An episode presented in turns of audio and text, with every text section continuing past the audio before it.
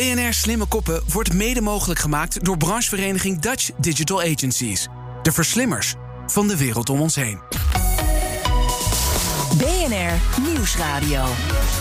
Slimme Koppen. Diana Matroos.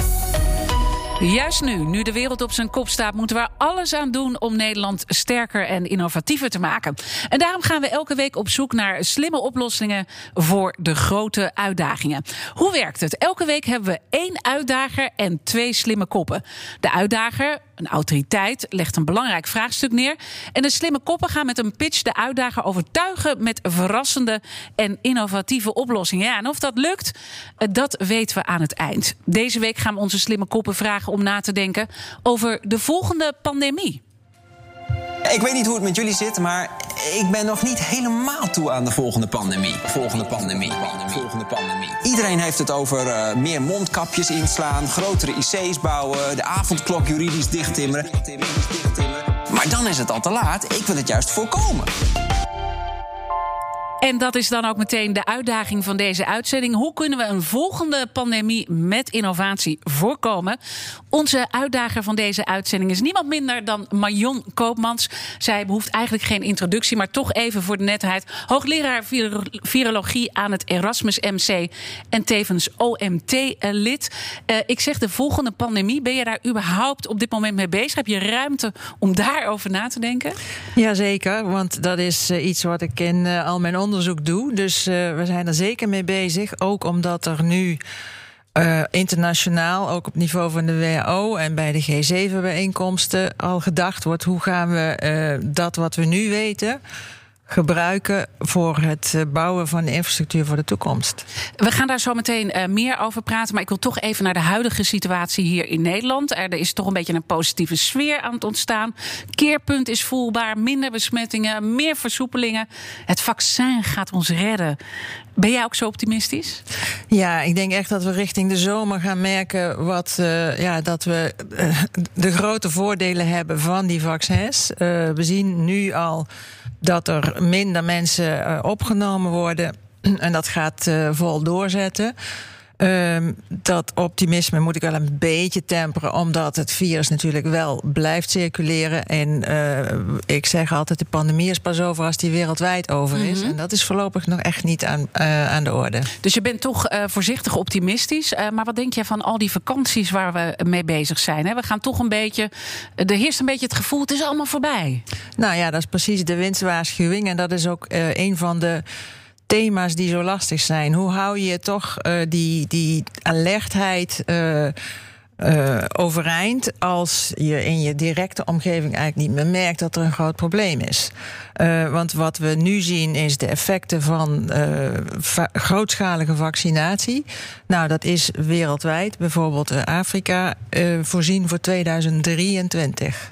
Ja. En tot die tijd hebben we dus in de wereld met een pandemie te maken. En dus ook als je afhankelijk van waar je naartoe gaat, met blootstelling aan dat virus, wat ook verandert en daarmee weer terug kan komen. En misschien in een vorm waarmee de vaccins het wat minder goed doen. -hmm. maar, maar vind je dan dat we niet uh, moeten doorslaan in ons gedrag en dat we eigenlijk niet op vakantie zouden moeten gaan? Of zeg je, nou ja, ik gun iedereen ook even dat, dat, dat uh, zomertje met wat iets meer ontspanning?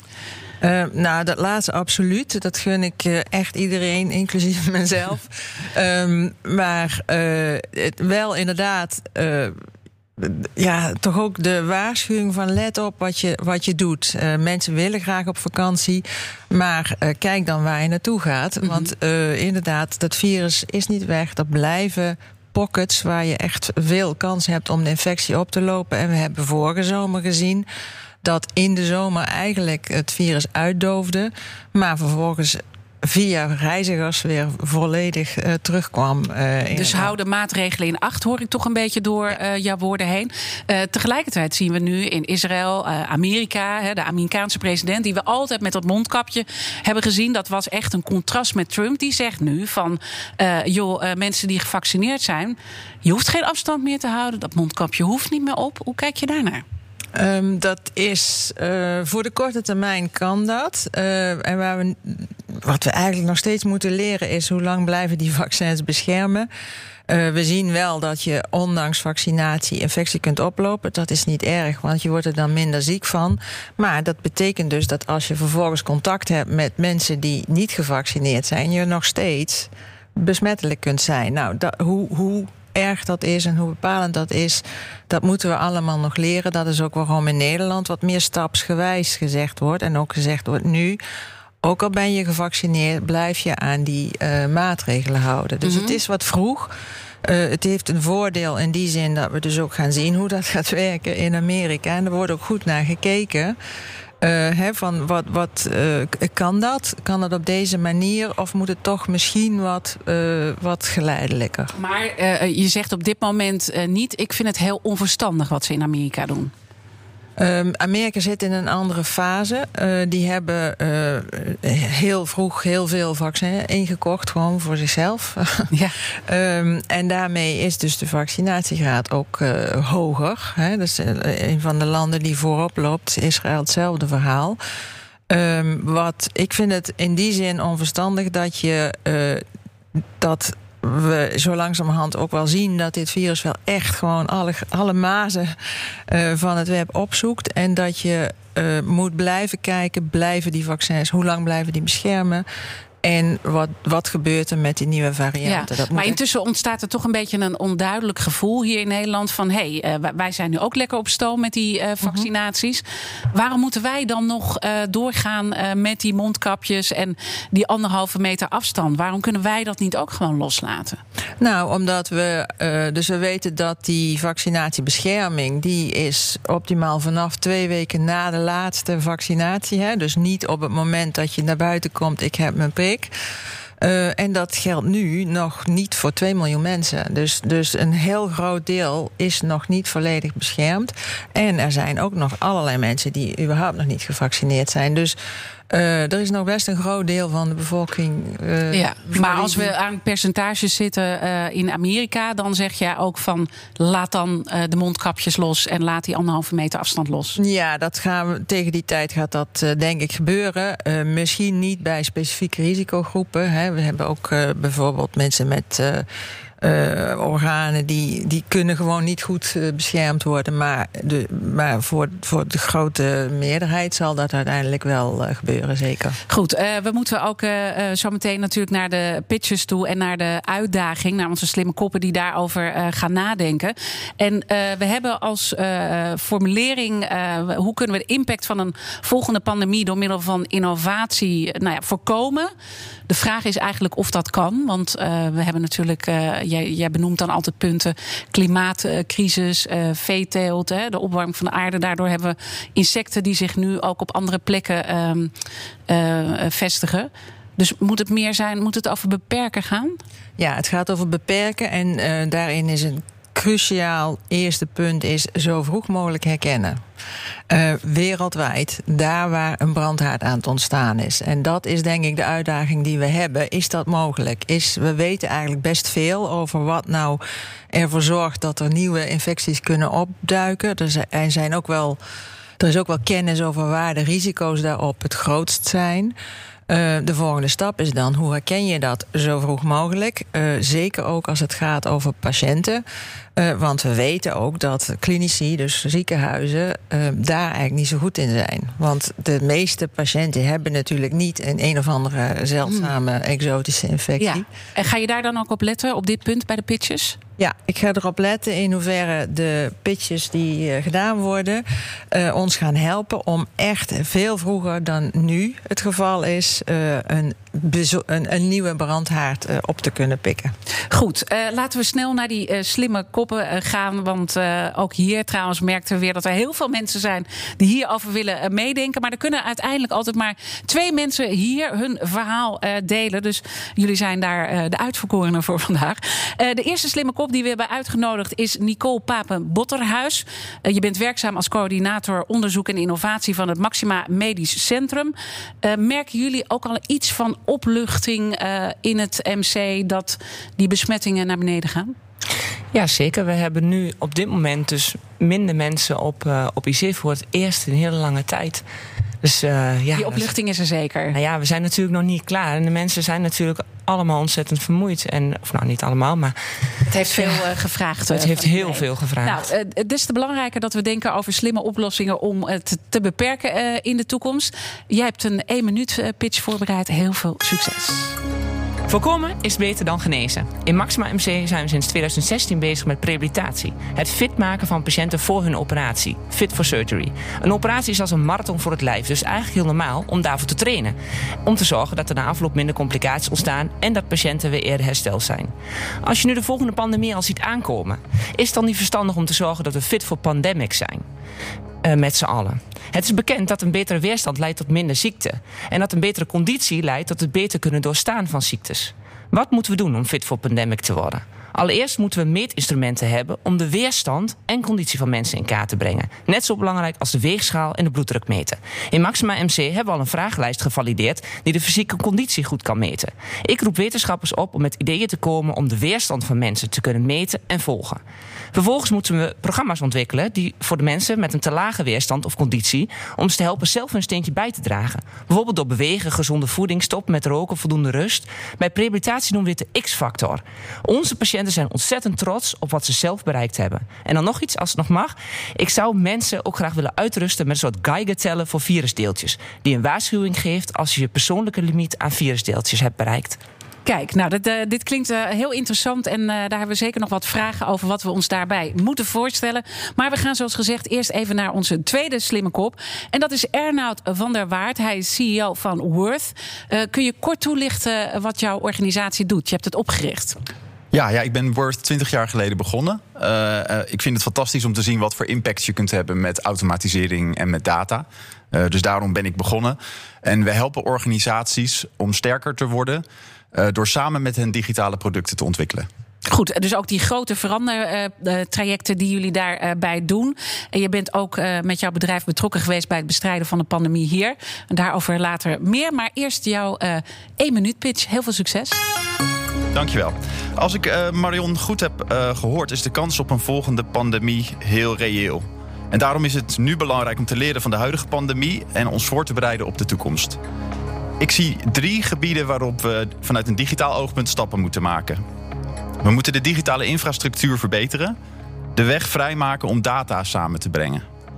Uh, daarnaast moeten we zorgen dat er bouwblokken klaarstaan voor een goed getest systeem, waarmee je snel en veilig met grote groepen mensen kunt communiceren.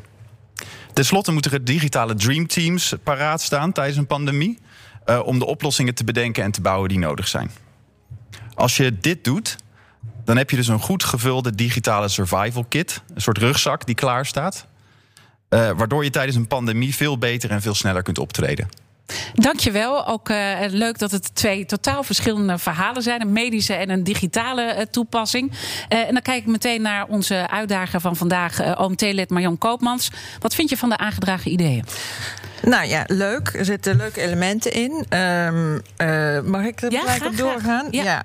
Dus uh, even beginnen bij het uh, Fit for Pandemics. Ja, heel, heel belangrijk natuurlijk. überhaupt, leefstijl is, is natuurlijk een belangrijke factor in in gezondheid en ook inderdaad in het kunnen uh, hanteren, handelen van uh, een infectie. Uh, wat uh, ik een beetje mis in het verhaal is, we hebben een steeds grotere uh, populatie mensen die helaas met een verminderde gezondheid zitten. en die dankzij de goede zorg steeds langer overleven, wat prachtig is, maar dat wordt een steeds groter deel van de bevolking. Hè. De voorspellingen zijn dat dat tot, tot, tot, tot 30, 40 procent is over in de komende uh, 10, uh, 20 jaar. En dat is een groep waarmee je, ja, je kunt ze natuurlijk fitter maken, maar je houdt infecties ja. daarin niet tegen. Hoe, hoe kijk je daar tegenaan? Nou, bij ons rehabilitatieprogramma hebben we ook mensen van 80, uh, 80 en 90 die intensief, uh, intensief aan het trainen zijn, die hele goede resultaten halen, die een dag na de operatie alweer buiten het bed uh, zijn. Um, Uh, natuurlijk, ik, ik, ben geen, uh, ik ben geen viroloog, dus ik kan natuurlijk niet, uh, niet voorspellen of we met dit soort programma's inderdaad ook de 80-plussers ehm, eh, beter kunnen maken. Maar wat we natuurlijk nu ook gezien hebben, is dat, dat niet eh, de 80-plussers de IC bezetten en het hele systeem eh, in houtgrip houden, maar juist de jongere, eh, de jongere mensen. En, en ook degene natuurlijk met obesitas. Hè? Dat is natuurlijk wat we steeds hebben gehoord. De IC ligt daar vol mee. Dus dat zou dan wel een oplossing daarvoor kunnen zijn, Marion. Ja, zeker. Dat is eh, eh, zeker een, een belangrijke bijdrage, denk ik, voor wat, eh, wat je voorstelt. Ik denk wel ook dat de, ja, de boodschap van het, is niet alleen de immuniteit. Hè. De- dit soort infecties die, eh, die treffen potentieel iedereen. Uh, impact is groter bij eh, groepen die met verminderde gezondheid. Maar eh, Ja. het- ik, wat ik interessant wel ook vind, is het eh Geiger-teller verhaal. Ja, want dat Ja. kan misschien ook iets, eh, die andere kant die jij miste eh, bij, bij dat gezond maken van mensen, weerbaarder maken, kan dit natuurlijk wel een oplossing zijn. Zeker, want zeker ook in, in ziekenhuizen zien we, hè, de- we- hebben de hele tijd eh, horen we over de kosten in de zorg en die moeten omlaag. En dat geldt ook bijvoorbeeld voor diagnostiek. Terwijl we nu ineens eh, iedereen willen kunnen testen, is dat, eh, was dat twee jaar geleden niet denkbaar. En eigenlijk werd dat ook sterk afgeraden. Dus ik vind jouw Geiger-teller-idee. Ja. Ehm, Misschien goed om dan nog even iets meer eh, toelichting. En dan gaan we naar jou hoor, Ernoud. We zijn je niet eh, vergeten. Maar die, die, die sensor waar je het over hebt, eh, wat is dat precies? Ja, er zijn nu al, eh, al ademtesten waarmee je dus eh, pieken. dus je hebt eh, een virus zorgt voor bepaalde pieken. En je kunt nu al met ademtesten. En dat zijn nu nog ademtesten die best wel langdurig zijn. Maar als het over vijf jaar. Ik denk niet dat volgende pandemie morgen op de stoep staat. Over vijf jaar. Nu is het een groot apparaat. Maar over vijf jaar. Als je kijkt hoe snel de ontwikkelingen gaan in sensoriek en in de technologie. Dat moet over vijf jaar een ademtestapparaatje kunnen zijn. Wat veel kleiner is. En wat je gewoon zo goedkoop is dat je het bij iedereen thuis legt. Dus zodra de volgende pandemie is. Eh, Iedereen gaat elke dag blazen in dat apparaatje.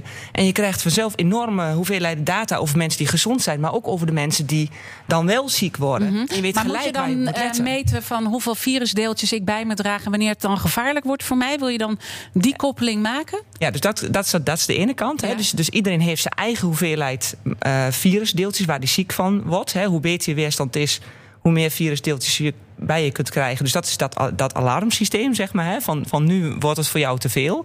Eh, maar aan de andere kant kan het ook een rol spelen bij de vervroegde, vervroegde opsporing. Ja, ik kom, ik kom langs. We gaan er eens even over, over kijk. door. Eh, maar dan hoog tijd om ook naar onze andere slimme kop te gaan. Ernoud van der Waard, CEO van Worth. En dat zit meer op het digitale stuk. Wat vond je daarvan, Marion? Ja, dat is een eh, groot thema, eh, wereldwijd ook. Hè. We hebben gezien hoe belangrijk data zijn. We hebben het ook gezien in de pandemie dat het koppelen van gegevens van patiënten uit verschillende ziekenhuizen heel belangrijk was om snel inzicht te krijgen in wat maakt nou dat deze groep patiënten heel ziek wordt en die minder. Eh, Dus dat is duidelijk. En de eh, elementen die jij noemt, cruciaal. Maar het is wel ook een beetje een heel ideaal lijstje. ehm, eh, waarbij wat ik niet hoor is hoe gaan we eigenlijk om met al die barrières die er zijn opgebouwd. Bijvoorbeeld via de privacywetten. het, het niet kunnen delen van data buiten een ziekenhuis. Laat staan internationaal. Hoe zie je dat? Ja, ja, da- daar was een minuut net een beetje te kort eh, voor om daarop in te gaan. Ehm, en ja, privacy is natuurlijk ook weer een enorm topic. Maar inderdaad, dat zijn wel zaken waar je de zaken anders moet regelen. Op het moment dat, dat er zo'n situatie aan de hand is en je wilt snel acteren. Dan, dan moet eigenlijk die toestemming om die data te koppelen er misschien al zijn. Dan moet je misschien opt-out. eh, een beetje à la een donorcodiciel al mensen bereid heb, hebben gevonden om, om hun medische gegevens te gebruiken als je dat nodig vindt.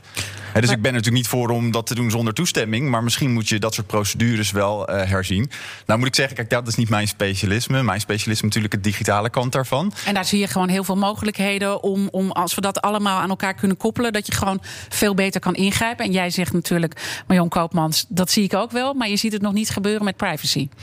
Nou, ik denk dat daar eh, ook slimme oplossingen nodig zijn. We zien nu de hele discussie losbarsten over bijvoorbeeld de digitale reisbewijzen. Ja. Hè, de- Ja. Want dat helpt eigenlijk. Het is, het is vanuit pandemie denken is het logisch.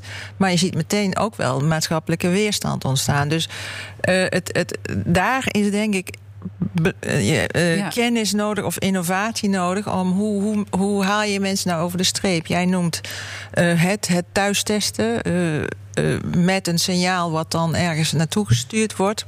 Eh, Dus, die, dus hoe haal je de burger hierover uh, over Ja. de streep? Ja, ik denk dat een deel daarvan ehm, moet natuurlijk al plaatsvinden voordat er zo'n pandemie eh, eh, echt is. Eh, In, Maar Nederlanders zijn niet makkelijk. Hè? Ik bedoel, we willen allemaal onze vrijheid en niet in de gaten gehouden worden. Dat Big Brother is watching you, dat vinden wij gewoon lastig. Ja, dat vertrouwen winnen is ook heel lastig. Ook eh, eh, als je als overheid IT-instrumenten ehm, eh, publiceert of, of, of introduceert. En zeker met de IT-projecten nu bij de overheid, die natuurlijk dramatisch zijn. Ik noem maar even de toeslagenaffaire. Hè? Dus, dus Ja, dat helpt allemaal niet mee. Dat helpt Nee. allemaal niet mee.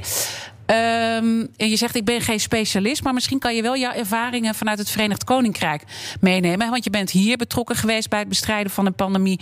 eh, in de zin met communicatie en, en het digitale eh, platformen, maar ook in het Verenigd Koninkrijk. Ja. En, en waar zit dan het verschil in? Eh, het verschil is dat, eh, dat we eh, tijdens de pandemie. Het verschil is het beginpunt. Dus op het moment dat je, dat je al een, een platform hebt staan. wat wendbaar is. waar je snel dingen aan kunt toevoegen. waar je snel kunt leren en kunt reageren. dan zie je dat je ook snel nieuwe services kunt introduceren. Dus de, de Britse overheid is een van onze opdrachtgevers. En wat wij daar doen is onder andere een platform waarop wetenschappers. ehm, onderzoeksaanvragen kunnen indienen en dat hele proces wordt ondersteund.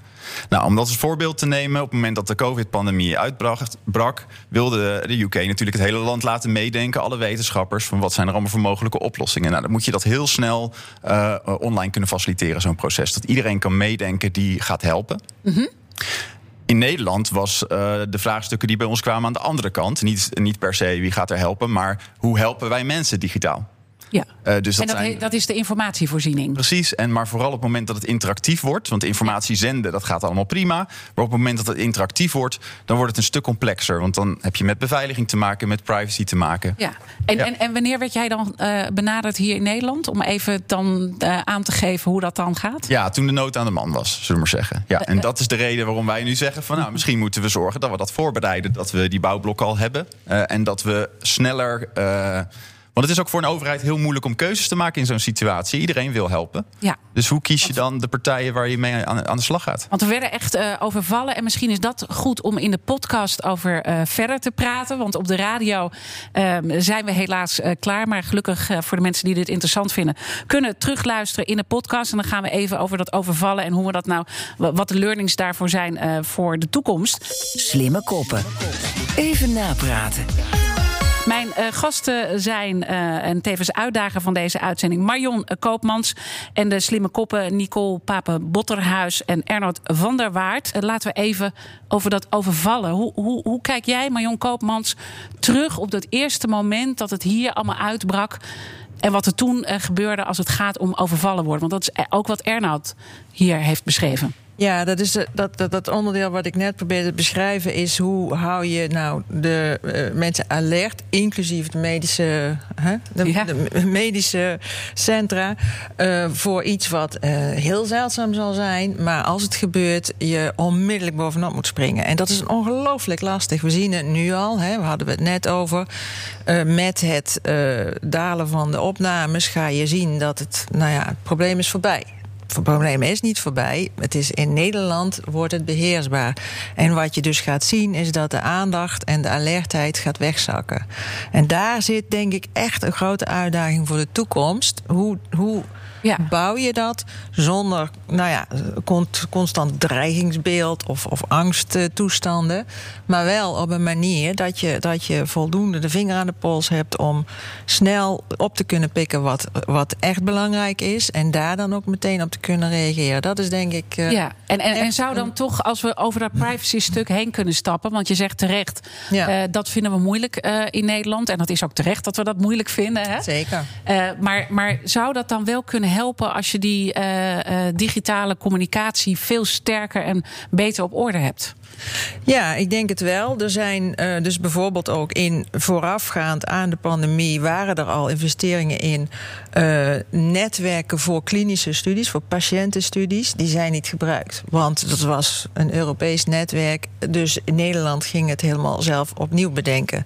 De Britten die zaten in hetzelfde netwerk en die hebben gezegd: we gaan dit in alle ziekenhuizen in Engeland uitrollen. Iedereen doet mee. Dus alle grote beslissende studies over behandeling, over hoe, ga je, hoe kun je het beste beademen, dat soort dingen, komen uit Engeland. Dat is NHS. Ja, Dat ja is- dus dan dat zie je is- de invloed daarvan. Hè? Dan Ja. zie je de invloed als het al staat. Ja. Dan kun je dus veel sneller. eh, en ik heb, ik heb ook het gevoel, kijk, als de data er niet is. Ja, dan, dan is dat een heel ander probleem. Maar als Ja. de data er is, maar het is gewoon verspreid en versnipperd. Ja. Dat is doodzonde. En helemaal als dat een technische oorzaak heeft of een infrastructurele oorzaak heeft. Want dat is allemaal. Ja, dat is op te lossen natuurlijk. En, en jij hebt dan de Nederlandse overheid als opdrachtgever en ook de, de, de Britse. Eh, hoe, hoe wordt dit eh, opgepikt? Ik neem aan dat je dit al eh, hebt geagendeerd daar. Nou ja, de, de, ehm, de wendbaarheid van de infrastructuur in zijn algemeenheid. Dus van, want je weet ook niet welke dienst er getroffen wordt. Het hangt natuurlijk maar net af van het type pandemie of het type crisis. Het is ook niet telkens hetzelfde. Dat maakt het ook zo uitdagend. eh, dat je kunt op basis van wat we nu hebben gezien van alles en nog wat inrichten. Maar dan zal je zien dat het de volgende keer van dier op mens is. Of ja, dit is ook weer mijn, niet mijn specialisme. Nee, maar, dan gaan we ik kan me voorstellen dat die, vragen. Ja. ja, dat, dat die variatie er telkens is. En dat, Ja. je dus, dat er dan weer een andere overheidsdienst misschien moet reageren. Maar moet je dan niet eh, zeggen, we moeten dit centraal onderbrengen bij één organisatie? Want dat is natuurlijk het probleem van de hele digitale overheid, waar ik het dus eh, volgende week eh, over ga hebben. Dat het allemaal losse dingetjes zijn. Zou je het niet gewoon bij het OMT moeten neerleggen? Om dit centraal Nou, aan te sturen. Nee, dank u wel. Nee, liever niet. Ehm, nee, we hebben natuurlijk voor. Kijk, voor de publieke gezondheid is dat verzamelpuntig. Hè? Dus daar, is, daar komen surveillancegegevens, meldingen van ziekte bij de GGD. Die komen allemaal bij, centraal bij het RIVM terecht. Voor de eh, ziekenhuizen is dat eigenlijk eh, minder helder. Wel als het om een bepaalde eh, meldingsplichtige aandoening gaat. Die gaat daar ook naartoe. Eh, als het over infecties gaat. Maar verder is dat overzicht gewoon er minder eigenlijk. Dat zit in allerlei specialistengroepen. Ehm, en eh, ja, ik denk dat daar iets tussenin dat dat eh, goed zou zijn. Dat hebben we gemerkt. Dat, dat bijvoorbeeld er is ook door GGD's, RIVM geoefend in hoe ziet een eh, uitbraak en een pandemie eruit. Ziekenhuizen hebben ook geoefend, maar die link daartussen die is niet zo sterk. En daar zit denk ik een, een zoektocht. Hoe doe je dat? Eh, want het geeft wel ook het Big Brother idee. Ehm, we hebben aan de andere kant inmiddels steeds meer ook dat patiënten eigenaar worden van hun eigen dossier. En misschien wel moeten we er naartoe dat iemand zelf een vinkje kan aanzetten van oké, ik vind het oké om hier aan mee te doen. Ik vind het oké als ik een. eh, eh, hoe noem je het, een Geiger-teller eh, Ja. eh, test eh, onderga. En dan mogen die gegevens ergens naar een centraal punt. Ja, we hebben nu in ons ziekenhuis hebben wij dus inderdaad een, eh, een opt-in vinkje. Dat we dus, Ja. net zoals dat we de patiënten vragen of we gegevens mogen uit, eh, uitwisselen met huisartsen, hebben we ook een vinkje dat, we, dat ze kunnen aanvinken dat ze oké zijn met het delen van, hun, eh, delen van hun data voor wetenschappelijk onderzoek om de zorg te verbeteren. En dat Dus dat dus is ook mogelijk. voor die sensor, hè, wat, wat jij beschreef, dat je dus eigenlijk meet met een ademapparaatje hoeveel virusdeeltjes je bij je hebt. En dat je dus weet van, oké, ik begin nu in een gevarenzone te komen, ik moet nu even in quarantaine. Maar dat, dat je dit ook dan eh, eventueel nationaal zou kunnen volgen. Ja, ik zie dat, dat apparaatje ook een beetje net zoals die jodiumpil die we nu allemaal in huis hebben liggen. Ja, als er een keer wat Oh gebeurt, jee, ik heb hebben hem we die niet. Ik, ik heb Dan hem val je niet in de doelgroep. Nee, nee, nee. Ik heb hem precies. voor mijn kinderen. Ja. Ja. Goed. Eh, dus, dus dit zou dan het idee zijn. Maar hoe ver is dat idee en wat is er nu nodig om dat idee te laten vliegen? Ja, ik denk dat het belangrijk is om die, eh, die sensoriek verder te, te ontwikkelen, verder kleiner te maken, goedkoper te maken. Mhm. Maar is Maxima MC daar al Nee. eh, aan het voorsorteren? Dit is echt gewoon een wild idee. Nee, nee, nee. Dus we hebben meegedaan aan, eh aan Ino's eh, studie, van de, eh, eh, die- waar die zo'n apparaat ontwikkeld hadden. Dus we weten, we weten dat, het, dat het kan. Alleen de vraag is van hoe kun je het kleiner maken? Hoe kun je het beschikbaar maken dat iedereen het, iedereen het kan krijgen? Ja, dus daar moet, moeten dus nu partijen voor worden gevonden die dat eh, gaan laten vliegen. Daar heb je geld nodig. En het voordeel van zo'n apparaatje is dat het ook regenereerbaar is via het stopcontact. Dus dat je het ook elke keer opnieuw kunt gebruiken. Dus je bent niet afhankelijk van testkitjes die ergens gemaakt moeten worden in de wereld. Met allerlei reagentie. Nou ja, en ik denk wel dan aan, want eh, pandemievoorbereiding is wereldwijd pandemievoorbereiding. En in feite is de INO's gebaseerd op dat wat snuffelhonden doen. Hè? Ja. Dus eh, dat is ook eh, een, een schaalbaarheid die, waar je ook over kunt denken van hoe kan dit, eh, zeg maar, Nederland zal hoogtechnologisch willen, maar andere eh, delen van de wereld die kiezen misschien wel voor zo'n optie. Er zijn in de Big Gambian Rat is een dier wat be- bekend is om zijn detectiemogelijkheden en trainbaarheid. Dus dat soort eh, combinatie van dingen is ook mogelijk. Ja, en nadeel is dat je bij dat soort opschaalbaarheid, dat je dan zo'n hond of zo'n, die moet je dan trainen. Terwijl als je een, uh, uh, zo'n apparaat, zo'n, via zo'n al algoritme, is dan een wereldwijd algoritme wat je direct kunt downloaden naar de hele wereld toe en het de hele wereld gelijk kan gebruiken. In plaats van dat je eerst lokaal overal mm -hmm. moet gaan trainen. Ja. Ernoud, heb jij hier uh, ideeën bij als je dit verhaal zo hoort waar Nicole mee komt? Ja, ik denk dat je dit echt samen met die, met die werkgroepen. Waar, dat je, dit kun je niet vanuit technologie of vanuit techniek of alleen wetenschap. Je moet dat multidisciplinair uh, uitrollen, zoiets. Want dan kun je elkaar echt versterken. Je kunt dan, dan weet je ook echt waar de wetenschap mee gebaat is qua data. Uh, en ook wat er, wat er in de praktijk bij de mensen uh, werkt. Dus ik, ja, dat, dat, zo, zo ja. zou ik naar kijken. Ja. Nicole, wanneer verwacht jij dat dit dan echt gaat vliegen? Want het, dit is volgens mij nog een heel ja, mooi groots idee. Maar het moet echt nog handen en voeten. In ieder geval gaan jullie met elkaar uh, in gesprek. Marion en, en Nicole. Maar wat denk jij? Ik zou er echt meerdere partijen bij willen betrekken om te kijken wat de, wat de mogelijkheden hiervoor, uh, hiervoor zijn. Maar ik weet zeker dat er uh, buiten de gezondheidszorg heel veel partijen zijn die hier, uh, die hier veel kennis van hebben. Hoe je dit kunt, kunt versnellen. Mm -hmm. En denk je dat, dat ook ja, iedere burger hier makkelijk mee kan omgaan? Want je legt best wel veel verantwoordelijkheid ook bij mensen dan neer om dat elke keer te meten. Um, dat is een goede vraag. Ik denk, ja. het is, hè, het, dat ligt aan hoe de, hoe de technologie zich uh, ontwikkelt. Kijk, een, een, uh, zo'n alcoholblaastest weet, weet ook iedereen mee om, uh, mee om te gaan. Hè? Die hebben ze in ja, Frankrijk in auto's. Geen rocket science te zijn, nee. Ja, nee. weet je, hoe daar hebben ze de auto, in Frankrijk in auto's ingebouwd. Je mag niet, je mag niet rijden voordat je, voordat je hebt geblazen. Dus ja je mag niet de trein in voordat je er. Ja, weet je. ja, ja, ja. Maar Jan Koopmans, je wilde iets zeggen volgens mij. Nou, de, ik denk dat, het, uh, dat je een knip kunt zetten tussen wat er technologisch mogelijk is en wat mensen dan gewoon ook voor zichzelf kunnen gebruiken en ook kiezen wat ze daarmee doen. Hè? En dat kan al een heleboel effect hebben. Uh, ik denk dat het een tweede traject is, dat hele uh, uh, via de cloud internationaal overal delen. Want daar zitten nog wel wat dingetjes aan. Er zijn basissystemen voor. Daardoor weet, wisten we ook binnen een paar weken wat er speelde in China. Zijn die gegevens digitaal gedeeld en daarmee zijn meteen de eerste kandidaat vaccins gemaakt binnen weken.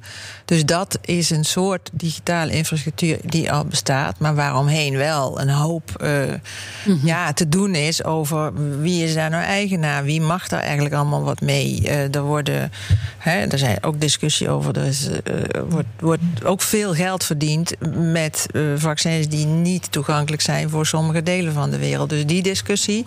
Die, daar, daar komen we ook nog uh, wel. Ja, ja die, die hoort er echt bij. En dat is eigenlijk ja. bij alle tweede ideeën zo. Ja. Hè, dat, je, dat je heel erg over die privacy-discussie moet nadenken. En daar ook de geesten rijp voor moet maken.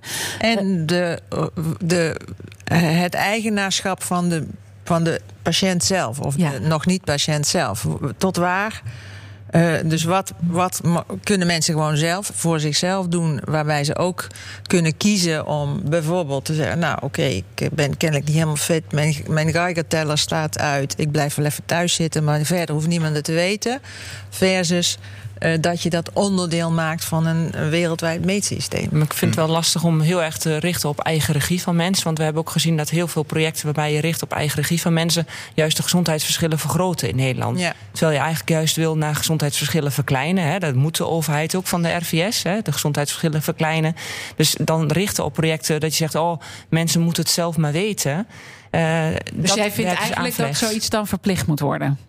Um, nou, dat is best wel weer, dat is dan weer een hele grote stap.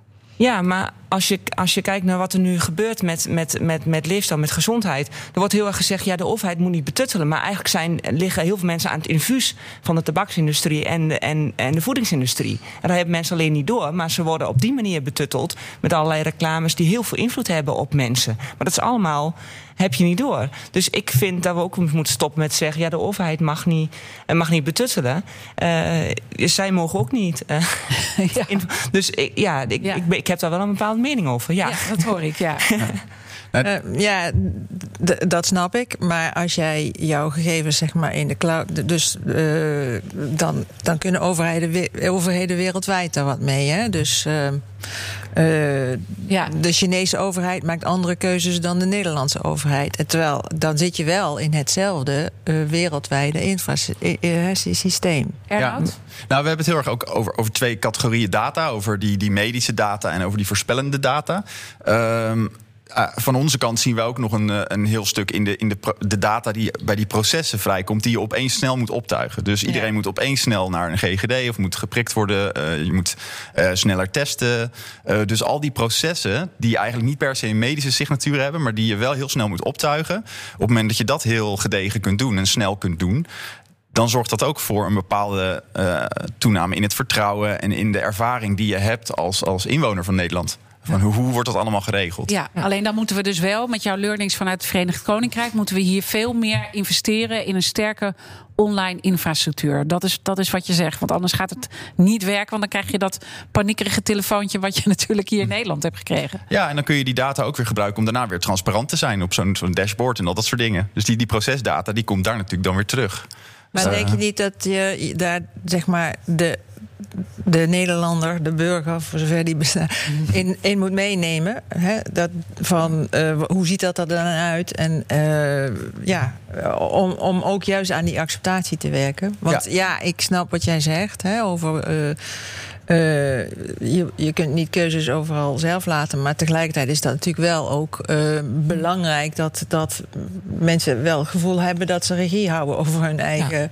Maar de Ja. alg- het algoritme kan in, kan in een app staan. En dan hoeft de data hoeft niet per se naar buiten. Dat hoeft alleen maar bij op het moment dat je gaat Ja, maar trainen. we weten natuurlijk bij heel veel data dat het natuurlijk wel een probleem is. Hè? Ja. Dat, dat, dat uiteindelijk dat Google dan eh, eh, alles van ons weet en dat ook allemaal aan elkaar koppelt of andere eh, partijen. Dus je kan daar ook niet zo makkelijk aan voorbij gaan. Ja, maar we lijken minder problemen te hebben met Google dan, of met Facebook dan met de overheid. Ja, maar dat is ook een probleem. dat is graag raar. Ja, dat is dus het moet denk ik en en. Dus ik denk dat Marion eh, dat jij een terecht punt hebt dat we dat wel eh, moeten overbruggen. Want ik denk dat jij nu al eh, merkt met de regie ook die het OMT neemt in adviezen dat jij. eh, ehm, ik, ik zag je laatst ergens ook voorbij komen en ik hoor het nu ook in België. Jullie worden zelfs bedreigd. Ik bedoel, mensen zijn ook echt boos op mensen zoals jullie.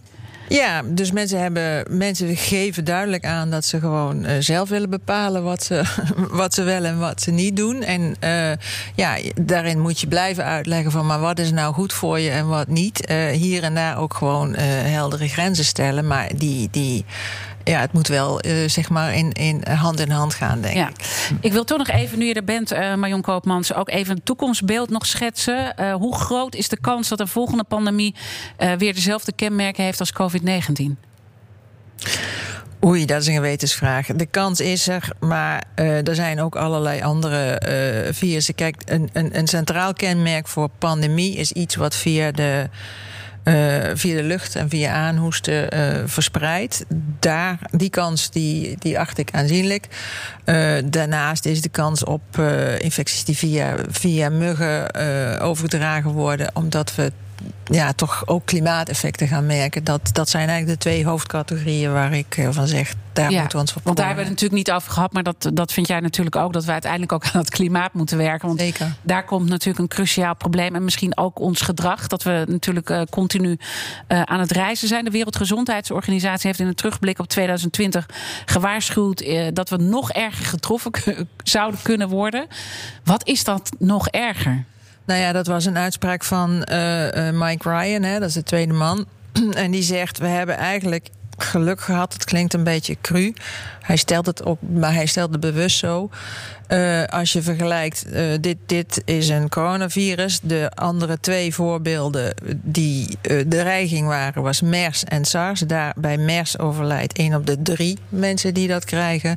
Bij SARS was dat één op de tien. Dus veel dodelijker, minder besmettelijk. Ehm, maar hij zegt dus ja, het. het het worst case scenario is dat je ditzelfde hebt qua verspreiding, maar dan uh, tien keer zo dodelijk. Um, ja, en dat, dat, uh, dat, dat is een, Ja, wa- dat- een waarschuwingsbeeld wat hij uh, heeft. De WHO heeft ook een lijst met ziektes die, waarvan we weten dat ze er zijn en die dreiging zijn. Waarvan hij, zij ook zeggen, daar moet echt gewoon op voorbereid worden en aan gewerkt worden. En dat begint voor een deel met vroeg herkennen. Want ze zien er in het begin eigenlijk allemaal hetzelfde uit. Ja, want, want je zou bijvoorbeeld ook, uh, als het gaat om de learnings, wat, wat wij nu hebben meegemaakt, we werden allemaal uh, overvallen. Terwijl bijvoorbeeld Taiwan daar veel. Um, daadkrachtig op heeft ingespeeld door eerdere ervaringen? Nou ja, wat je zag is dat eigenlijk de landen die eerder met SARS met name te maken hebben gehad, uh, daar is na aanleiding van die grote uitbraak toen is uh, een hele, eigenlijk een hele detectie-industrie onder andere ontstaan. Maar ook inderdaad uh, het, het, het besef dat je. Ja, dat, dat dit, uh, dit soort dingen gebeuren. En dat je dus dan meteen actie moet ondernemen. En dat. ja, dat, ik denk dat we daarna moeten kijken van hoe doen we dat? Dus hoe doen we dat zonder nou ja, steeds in een soort stressstand te zitten van oh jee, er, er zitten allemaal uh, dreigingen om ons heen.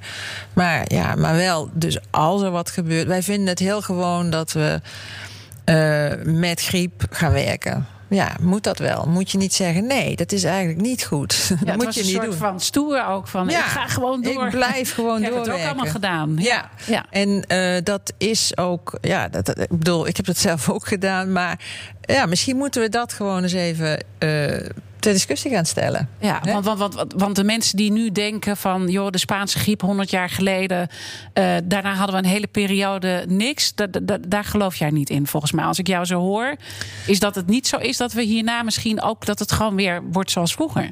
Dat het weer uh, een 100 jaar duurt. Nee, dat, dat verwacht ik niet. Uh, want een deel van wat we de afgelopen 10, 20 jaar zien is. Uh, uitbraken die er altijd al waren, maar die klein waren, die gewoon ineens explosief worden, omdat ze in bijvoorbeeld megasteden terechtkomen. En dat zijn ontwikkelingen, ja, die hebben we. Dat gaat ook door, dat uh, moet ook door, maar we moeten dus wel slim gaan kijken van hoe. Ja, hoe bereiden we ons dan op voor dat, om, te, ja, om te voorkomen dat dat inderdaad ja. tot dat soort explosies blijft? Dus, dus als ik jou ook uh, zo hoor, we gaan nu eventjes uh, uh, een beetje relaxed de vakantie in met, met het vaccin. Um, maar daarna kan het gewoon weer zijn dat we weer in de problemen komen in het najaar. Mm, uh, ja, nou ja, waar, waar, we nu naar kijken is uh, wat doen bijvoorbeeld de nieuwe varianten die uh, her en daar opduiken. Hè? Wat doet dat met de, de bescherming die we voorlopig hebben van die vaccins? dus wat is eventueel de volgende stap? Moeten de vaccins op aangepast worden? Moet er opnieuw gevaccineerd worden? Dus dat soort discussies spelen al. En met name ook voor de langere toekomst. hoe, hoe, wat leren we hier nou van? Hè? Er zijn dingen goed gegaan, er zijn dingen niet goed gegaan. Wat pakken we hier nou op voor, uh, voor echt structurele voorbereiding Ja. voor de toekomst? Een beetje na de waternoodramp is er een uh, groot programma gestart hè, voor uh, dit mag niet meer. Dijk, dijk, Mhm. de, de, de deltawerken en dijkverhoging. En dat, zou hier ook voor moeten komen. Want we Ja. waren natuurlijk hiervoor al gewaarschuwd hè, door de Ja. WHO ook dat dit een keer ging gebeuren. Dat hebben we misschien een beetje te veel in de wind geslagen. Waardoor we nu economisch natuurlijk zwaar getroffen zijn. Want er zijn natuurlijk ook een heleboel mensen gewoon super kwaad op al die maatregelen. En dat is ook, uh, ook weer te begrijpen. Zeker. Want ik bedoel, wat is wat. Wat, wat, wat is er nou erg? Ik bedoel, we hebben heel veel economische slachtoffers ook. En dat kan natuurlijk heel veel psychische effecten hebben.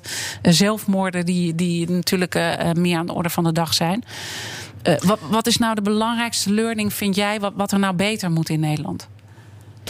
Um, nou, eigenlijk vooral het basisbesef dit, dat dit erbij hoort en dat we hier structureel ons op moeten voorbereiden zonder paniek. Dus het moet gewoon in de basis ingebouwd worden van hoe zorgen we ervoor dat we dit soort uh, infecties, uitbraken aankunnen. Goed. Missen we nog wat? Moet er nog iets gezegd worden? Want het is een eindeloos onderwerp. We kunnen hier natuurlijk nog een heel uur over doorgaan, zo niet langer. Het zou heel mooi zijn als mensen ook, ook trots zijn op, uh, op gezond zijn. Dat dat ook gaaf is. Dat het gaaf is om uh, dat je lekker wandelt tussen de, tussen de middag. Dat dat gaaf is. En niet Ja. dat je inderdaad tot, uh, tot tien uur s'nachts of, of tien uur s'avonds of drie uur s'nachts doorwerkt. Ja, Goed dat je dat nog eh, even zegt. Nicole Papen, Botterhuis. En eh, jij nog een laatste takeaway? Ja, ik ben heel erg benieuwd als je naar een land als Denemarken kijkt. Als ik begrijp eh, dat daar de discussies over de, de, de apps en de privacy heel anders verlopen. Of dat die eigenlijk geen discussie zijn. Ja, heel interessant hoe dat komt. En ik ben ook benieuwd hoe jullie daarnaar kijken. Maar dat is misschien voor een volgende discussie. Eh, Nou ja, misschien nog een korte reflectie dan. eh, want eh, Marion Koopmans, je weet natuurlijk ook hoe dat in elkaar steekt. Ja, dat is heel boeiend. Eh, ik heb Deense collega's, die worden gewoon twee keer per week getest. Geen enkele discussie, doen we gewoon. En daarmee gaan we lekker het restaurant in. En eh, Nederland is, eh, daar heeft volop debat over... moeten we dat eigenlijk wel willen? Ja, dat zijn echt ook eh, ja, regionale verschillen... waar je mee, mee te maken hebt. Ja, en ik heb ook niet het gevoel dat dat alleen een cultureel iets is. Ik denk dat het echt een ander uitgangspunt is, digitaal al. Volgens mij was de Health app er daar al. Eh, dus ja, dan is het gewoon een toevoeging van. En dan, dan is het een heel andere situatie. Dus de uitgangspositie is al veel beter dan. Dat zou kunnen. Dus eh, dat, dat Ja. is voor een van de vele evaluaties. Maar het is wel goed om ernaar te kijken en te zien van eh, wat daar kan. Kan dat hier dan ook? Ja. En nou, daar ga ik het zeker ook volgende week over hebben. Of er misschien een minister van Digitale Zaken moet komen. om onze geesten voor dat punt meer rijp te krijgen. en dat goed ook te coördineren. Maar dank voor deze takeaway. Laatste takeaway voor Marjan Koopmans. Ehm, nou, vrolijk de zomer in, maar wel even blijven nadenken ook over de iets langere termijn toekomst. Goed, ik wil jullie heel erg danken. En eh, luister ook eh, vooral naar alle afleveringen van Slimme Koppen. Je vindt dat ook gewoon in onze app. BNR Slimme Koppen wordt mede mogelijk gemaakt door branchevereniging Dutch Digital Agencies. De verslimmers van de wereld om ons heen.